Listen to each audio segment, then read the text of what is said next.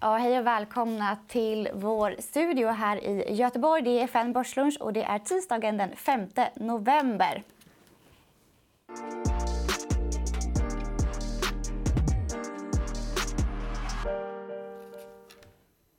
Ja, idag ska det bjudas på en del case. Vi ska bland annat prata Hexatronic och Enea. Men först ska vi prata med Sellings vd Erik Gatenholm. Varmt välkommen, Erik. Tack så hemskt mycket. Ni har en 3D-printer som kan printa kroppsdelar. Hur går det till? Det stämmer. Ehm, vi har en teknologi som heter bioprinting där man använder sig av mänskliga celler och, eh, och ett innovativt biomaterial som kallas då för biobläck eh, som man sedan lägger in i den här 3D-skrivaren så man kan printa ut mänskliga vävnader och, och strukturer som innehåller mänskliga celler. Eh, jättespännande teknologi. Och vad har ni för typ av kunder? Vilka har behov av det här? Eh, majoriteten av kunderna idag, så vi har kunder i, i mer än 50 länder eh, världen över. Så, så definitivt ett globalt perspektiv på vår, på vår kundbas. Eh, men majoriteten av kunderna idag är akademiska kunder. Eh, så till exempel Harvard, MIT och, och många av de eh, väldigt prestigefulla institutionerna. Eh, men också eh, en stor del av vår försäljning nu eh, börjar gå mot läkemedelsföretag som, som använder detta för att printa ut olika vävnader för eh, framtagande av olika mediciner eller, eller behandlingar. De, de forskar på de här vävnaderna eller vad är syftet? Ja, men precis. Så, så, så det de gör är att de, de tar till exempel de kan ta pa, eh, patientspecifika cancertumörceller mm. och så kan, de, eh, så kan de blanda det i ett av våra biobläck och så printar de ut de här cancertumörerna. De kan printa ut tusentals cancertumörer. Sen kan de testa olika läkemedel och, och behandlingar på de här printade tumörerna istället för att testa på djur. Eh, och dessutom innan man går in på kliniska studier. Så då kan du veta i ett relativt tidigt stadie om medicinen kommer funka på, eh, på patienter eller inte. Så det, det, ska skynda på processen för, för framtagande av läkemedel. Mm. Men det ska också göra så att det blir lite mer kostnadseffektivt och det är det vi hoppas på. Och vad finns det för andra användningsområden? Kan man printa ut färdiga kroppsdelar också om, det är, om man saknar det? Det är, en, det är en tid kvar men, men, men vi tror att absolut det, det är en av de stora målen som, som företaget har. Och det är ett väldigt ambitiöst mål att printa ut en vävnad som ska kunna transplanteras på en patient eller, eller implanteras i en patient. Eh, och där ser vi såklart eh, hud. Eh, hud är en väldigt, väldigt spännande applikation där vi ser många av våra kunder börja arbeta sig starkt mot, mot kliniska applikationer.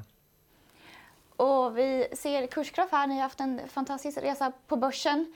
De mm. här skrivaren som ni använder, säljer ni dem till universiteten, till sjukhusen eller säljer ni cellerna som ni printar ut sen? Nej, men det är en bra fråga. Vi, vi, vi säljer absolut allt. Allt som vi, allt som vi producerar och tillverkar. Och, och, och vi säljer skrivarna, vi säljer bläcket. Så vi har en, en affärsmodell där vi säljer system relativt kostnadseffektivt jämfört med konkurrenter.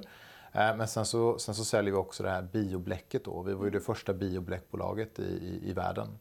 Eh, så, så vår fokus är en affär där man, där man säljer en relativt kostnadseffektivt, eh, relativt kostnadseffektivt system.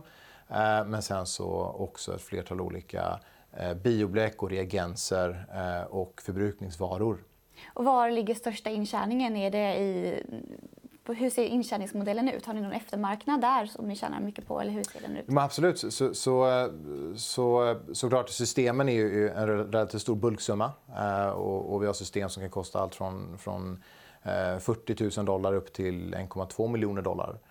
Så det är en väldigt stor range där. Och sen så har vi bio, de olika biobläcken som kan kosta från, från 5 dollar upp till, upp till 300 dollar beroende på vilket bläck du ska eh, köpa och vilket användningsområde du använder, eh, jobbar med. Men eh, något som vi ser väldigt spännande är att vi har ju nu de senaste 10 månaderna eh, förvärvat två stycken bolag. Mm. Eh, då är det två tyska bolag som, som arbetar just inom, inom liknande område. Eh, komplementerande teknologier eh, som vi kan erbjuda oss som en hel workflow för läkemedelsföretag. Eh, och, och, och något som är viktigt med de bolagen som vi har förvärvat är såklart att de har en liknande affärsmodell där systemen eh, säljs men sen så har man en, en, en förbrukningsvara som, som, som hela affärsmodellen bygger på.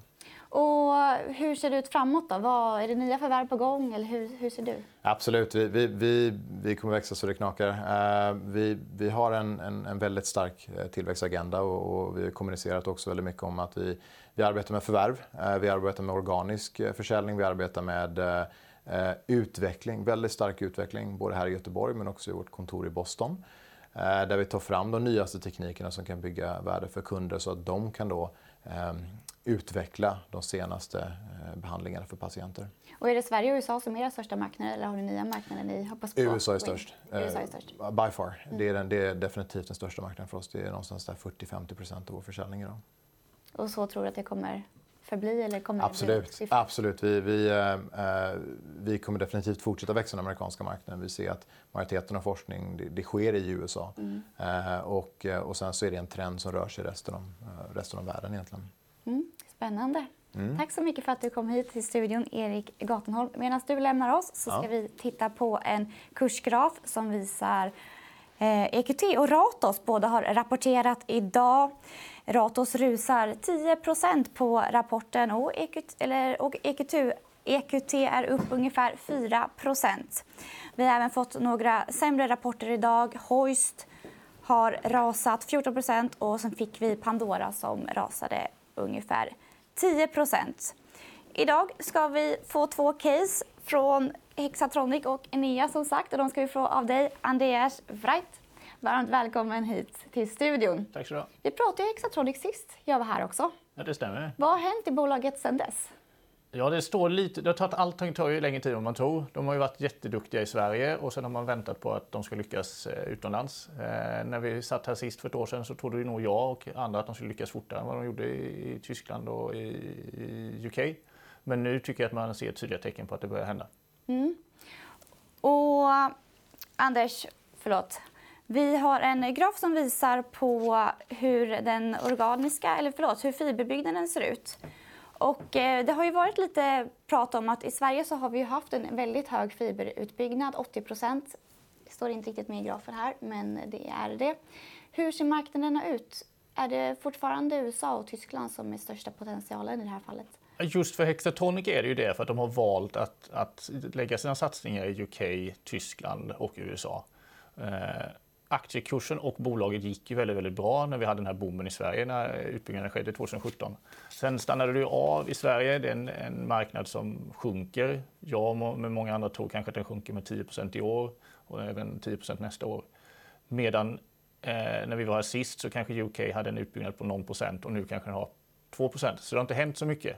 Men det börjar liksom bubbla överallt. Man kan följa på nätet att nu börjar det byggas. Och vi har ju haft en hel del förvärv från bolaget också. Hur har de lyckats eh, komma in i bolaget, förvärven? Alltså det viktigaste som har hänt är ju, är ju avtalet, eller den första affären de fick med Cityfiber. Mm. Eh, och det var ju en genombrottsorder, en ganska stor aktör. De skulle bygga ut för 5 miljoner hushåll totalt eh, i UK. Den första upphandlingen de hade var på en miljon. Eh, många har ju trott att lilla Hexatonic från, eh, från Sverige kommer inte lyckas utomlands. Här hade de upphandling på en miljon hushåll där de fick hälften. Och det tycker jag visar på att ja, men det här kommer bli en global aktör. Det här kommer inte bara vara en svensk aktör utan de kommer lyckas även utomlands. Eh, nu håller eh, Cityfiber även på att upphandla nästa paket. Även om de har kommit jättekort än så länge. De har gjort 100 000 hushåll än så länge. Så håller de redan på nu att upphandla nästa miljon. Eh, och som sagt totalt ska de bygga 5 miljoner i UK. Då. Eh, och det här kommer att bli en affär som är lika stor som Sverige var som störst för, för eh, Hexatronic. Då. Och en oro i bolaget har ju just varit den, den svenska marknaden som, som backar eller där det mm, inte mm. finns så mycket mer att hämta. Hur ser du på den risken? Jag tror att det finns med i, i marknadens förväntningar nu. Eh, som jag sa där, jag tror att de kanske tappat, eller de har kommunicerat att de tappar ungefär 10% i år. Förväntningarna nästa år kanske ligger på att de tappar 15-20 men, men det är inte caset och det är inte det som driver tillväxten i bolaget längre heller. Eh, jag tror även att vi har en graf där som visar lite grann på var, var de växer någonstans. Så det är inte det som kommer driva omsättningen och det är inte en stor oro nej, egentligen? Nej, nej egentligen du? inte. Utan, men däremot det som hände med att aktiekursen gick så dåligt ett tag var ju att, att Sverige tvärbromsade mer än man kunde tro och utlandet inte tog över stafettpinnen. Men nu har man kommit till den att utlandet börjar ta över stafettpinnen och marknaden lägger inte så mycket fokus på Sverige längre. För vi har en graf som visar på försäljningsandelen, att den ökar i USA och Europa. I rubriken stod det USA, men det är också Europa som eh, har faktiskt har gått om nu. Ja, framförallt är det ju Europa. Även då som jag sa att Cityfiber bara liksom har börjat nalla lite, lite, lite grann, 100 000 av 5 miljoner hushåll, så är det fortfarande Europa och USA som är större än vad Sverige är nu. Mm. Eh, och det är inte drivet av Cityfiber-affären än. Cityfiber kanske står för, om, om vi säger att Hexatronic omsätter knappt 500 miljoner, så kommer 20 miljoner ifrån Cityfiber-affären i det här kvartalet. Och enligt deras egna prognoser från Cityfiber så kommer eh, de takta ungefär 150 miljoner som mest. Då. Så det finns en otrolig uppsida i tillväxten i Europa när väl eh, UK sätter igång på riktigt. Så trots att det inte har satt igång på riktigt så ser vi att Europa och USA är betydligt större än vad Sverige är nu. Då. Är du orolig över Brexit? Är det en oro i caset? Är det en anledning till att det handlas ner lite? Alltid svårt med politiska händelser, men, men, men min bedömning är att det inte ska påverka Hexatronic. Vi ska titta på sista grafen för Hexatronic. Den visar på fördelningen i bolaget och ser ut så här. Vad är det vi ser här? Det är ju mycket det vi har pratat om redan, men, men man ser att man hade ett väldigt stort beroende av Sverige 2017 när, när vi, eh, och sen har det successivt. Och man tycker kanske inte har hänt någonting, men, men man ser ändå att redan nu så, så, så är ju övriga Europa lika stort som, som Sverige och Norden tillsammans. Då. Så de har precis gått över den punkten och i och med att tillväxten är så pass stor, jag tror att Europa växte med nästan 100 procent förra kvartalet, så ganska snart kommer vi se att, att beroendet av Sverige är ganska lågt. Då. Så ännu ett bevis på att risken av den svenska fallande marknaden inte är så stor?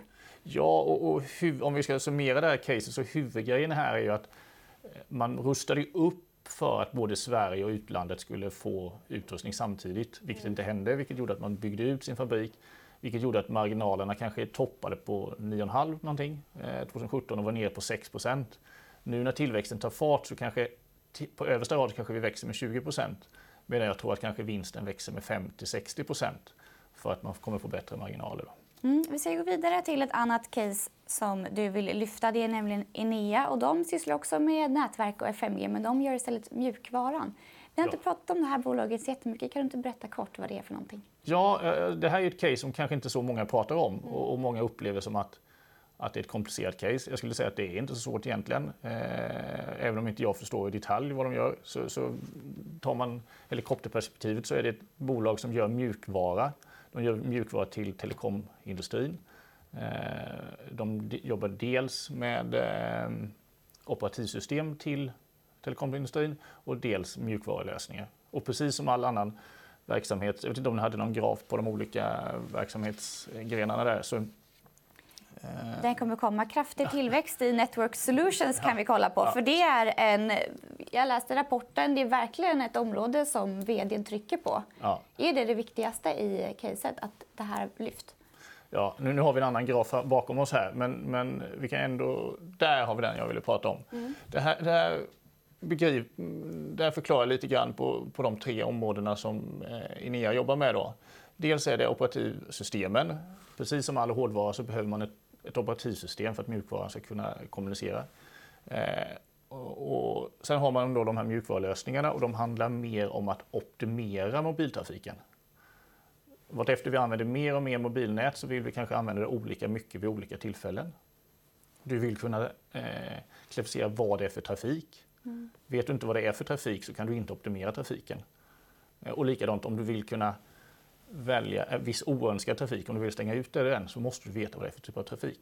Olika sådana mjukvarulösningar gör Enea. Och vartefter vi använder mer och mer mobiltrafik med, med 5G och mer, så kommer efterfrågan på den här typen av produkter öka. Då. Och vi har en annan graf som visar på att de har blivit mindre beroende av nyckelkunder. Har, de, har det varit en stor risk i bolaget Tidigare. Jag tror att det är en förklaring till att kursutvecklingen kanske inte har stuckit iväg. Mm. Det är att marknaden har orolig över att man har varit väldigt beroende av två stora kunder och det har ju varit Nokia och, och Ericsson. Eh, och det ser man att den har gått ifrån 51% ner till 28 nu 2019. Då. Så, så den, det beroendet har ju minskat kraftigt. Då. Vad har vi annars för eh, trigger i, i det här caset? Ja, det, historiskt så har ju det här bolaget växt. De har växt mycket via förvärv. Jag skulle säga att de har ett förvärvsutrymme på att kanske förvärva 20% till på omsättningsraden. De har eh, ett utrymme på 300-400 miljoner. Mm. Det kommer att driva det. Sen tror jag även att, att eh, den nya ledningen har en ambition att lyckas förklara det här caset mer och mer för marknaden. De har en kapitalmarknadsdag idag. Jag tror att när marknaden ser att ja, det här är ett, det är ett mjukvarubolag, de växer med 20% om året, de har en rörelsemarginal på över 20% de har 50 återkommande intäkter liknande bolag värderas väldigt mycket högre. Det här kanske värderas till 10 gånger nästa års vinst. Eh, då tror jag att det kommer bli en omvärdering på det här caset. Men du säger att de handlas till en marginal på, eller de har en marginal på 20 procent. Mm. Och det är också en av, ett av deras mål. Är det lite lågt ställda mål tycker du? Lite så. Alltså, tittar man på de sista, nu, de har ju ett mål på att eh, vara över 20 procent. De, legat på 23, de ligger på 23 procent i år. Eh, de har legat stadigt över där. Eh, vi får väl se vad som kommer i eftermiddag, men, men eh, det finns alla möjligheter att, att ligga över där skulle jag tro. I och med att det är ganska höga bruttomarginaler i den här affären. Men fokus är ju att växa då och inte växa särskilt lönsamt, eller i alla fall behålla samma lönsamhet. Ja, men precis. Det är nog där man ska börja. Mm. Tack så jättemycket för att du kom hit och presenterade de här två casen. Imorgon är vi tillbaka igen och då sänder vi från vår studio i Stockholm och då gästas vi av Lena Sellgren och Maria Landeborn. Tack så mycket.